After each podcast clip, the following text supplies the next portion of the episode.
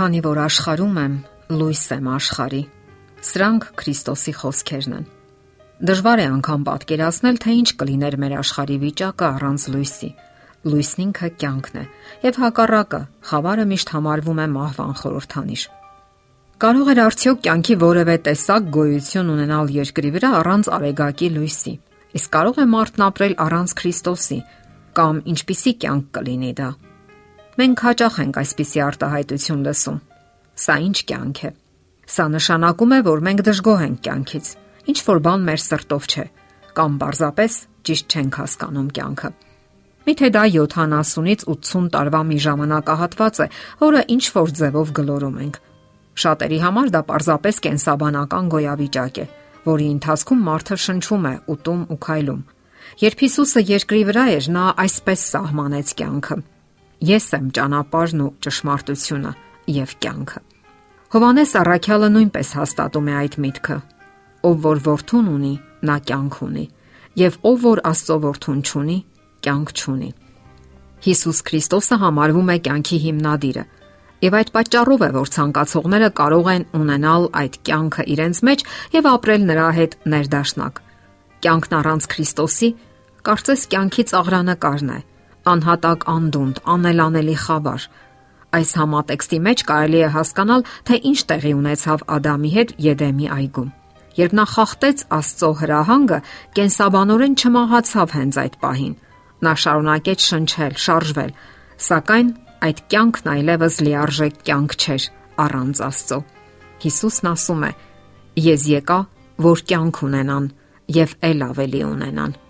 Անառակ որդու մասին առակում հայրն ասում է. Այսին որդին մեռած էր եւ կենթանացավ, կորած էր եւ գտնվեց։ Աստվածաշնչյան հայտնի կերպարը անառակ որդին վատնում է դրամներն ու առողջությունը։ Փաստորեն նա հոգեպես մեռած էր։ Գտնվելով Աստծուց հեռու կարելի է քայլել, սնվել, աշխատել, սակայն դա ոչ թե ապրել է, այլ գոյատևել։ Այսպիսի պատմություն են պատմում Հարուստ երիտասարդը լսել անգամ չէր ուզում Հիսուսի մասին, սակայն նրան տանջում էր անհանգիստ վիճակը, դժվարությամբ էր քնում։ Իր համար էլ անհասկանալի նա ներքին դատարկություն էր զգում, հոգևոր ծանրություն։ Եվ չնայած իր այդ վիճակին, նա չէր ցանկանում խոստովանել, որ ունի Հիսուսի կարիքը։ Սակայն մի անգամ ամեն ինչ փոխվեց։ Նա ավտովթարի ենթարկվեց եւ կորցրեց առողջությունը, գամվեց հաշմանդամի սայլակին կորցրեց նաև ողջ դրամները իր նախկին բարեկամներին։ Իր տարապանքների մեջ նա դիմեց Աստծուն եւ ճանաչեց նրա սերը։ Նա բացեց իր սիրտը Աստծո առաջ եւ ընդունեց որպես փրկիչ։ Հենց այդ պահին անհետացավ անհանգիստ վիճակը, սրտի ծանրությունը եւ միայն այդ ժամանակ հասկացավ, որ կա մեկ ուրիշ կյանք, հոգեվոր կյանք, եւ որ արժե ապրել հանուն այդ կյանքի։ Սակայն նա այլևս չէր կարողանում շարժվել, գամված էր հաշմանդամի սայլակին։ Նա արդեն հիվանդ էր եւ բանկային հաշիվները բավականին նվազել էին։ Սակայն նա ժպիտով էր նայում կյանքին, նայում էր իր անցյալին խաղաղությամբ, իսկ ապագային լավատեսությամբ։ Այո, մինչև վթարը նա ուներ նյութական հարստություն եւ առողջություն, սակայն չուներ կյանք։ Այսօր նրա մարմինը խեղված է, դրամները շատ քիչ,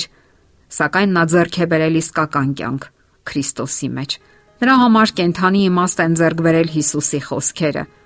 ով որ որդուն ունի, նա կյանք ունի։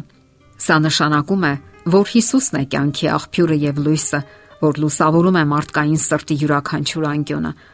Սակայն կեղծիքներ էլ կան։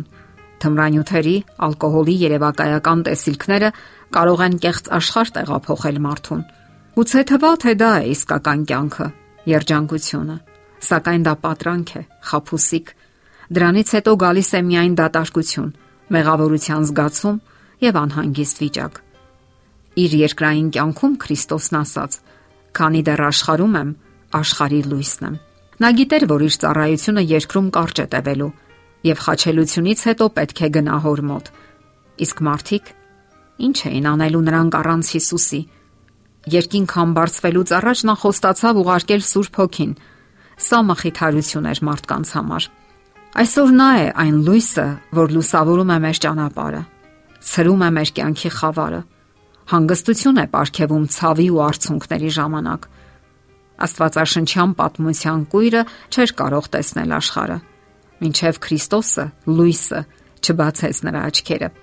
Ճիշտ նույն ձևով մեղավորը չի գիտակցում իր իրական վիճակը այնքան ժամանակ, քանի դեռ Սուրբ Հոգին չի լուսավորել նրա գիտակցությունը։ Աստծո խոսքն ասում է. «Եվ նա, երբ որ գա, աշխարհին կհանդիմանի մեղքի համար, եւ արդարության համար, եւ դատաստանի համար»։ Լուսավորել է արդյոք Աստված քո սիրտը եւ բացել քո աչքերը, որpիսի տեսնես նրա խոսքի հրաշքները։ Այսօր նա սիրով բախում է քո հոգու դռները։ Իսկ ո՞րն է քո պատասխանը։ Միլիոնավոր մարդիկ արձագանքել են Հիսուսի կոչին Միլիոնավոր մարդիկ ապրում են նոր վերածնված կյանքով։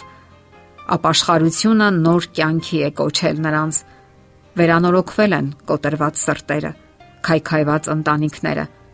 վերադարձել են երեխաների ժպիտները։ Երջանիկ, պայծառ ընտանիքների պատմությունը վերածնված սրտերի պատմությունն է։ Բազմաթիվ այսպիսի պատմություններ կան։ Իսկ քոնը կլինի արդյոք դրանցից մեկը։ Բացիր քո սիրտը Քրիստոսի առաջ։ Նշանակություն չունի թե որտեղ եւ ինչ պայմաններում ես գտնվում դու։ Վաղը գուցեև ուշ լինի։ Եթերում է ղողանջ հավերժության հաղորդաշարը։ Ձեզ հետ է Գեղեցիկ Մարտիրոսյանը։ Հարցերի եւ առաջարկությունների դեպքում զանգահարեք 094 08 2093 հեռախոսահամարով։ Հետևեք մեզ hopmedia.am հասցեով։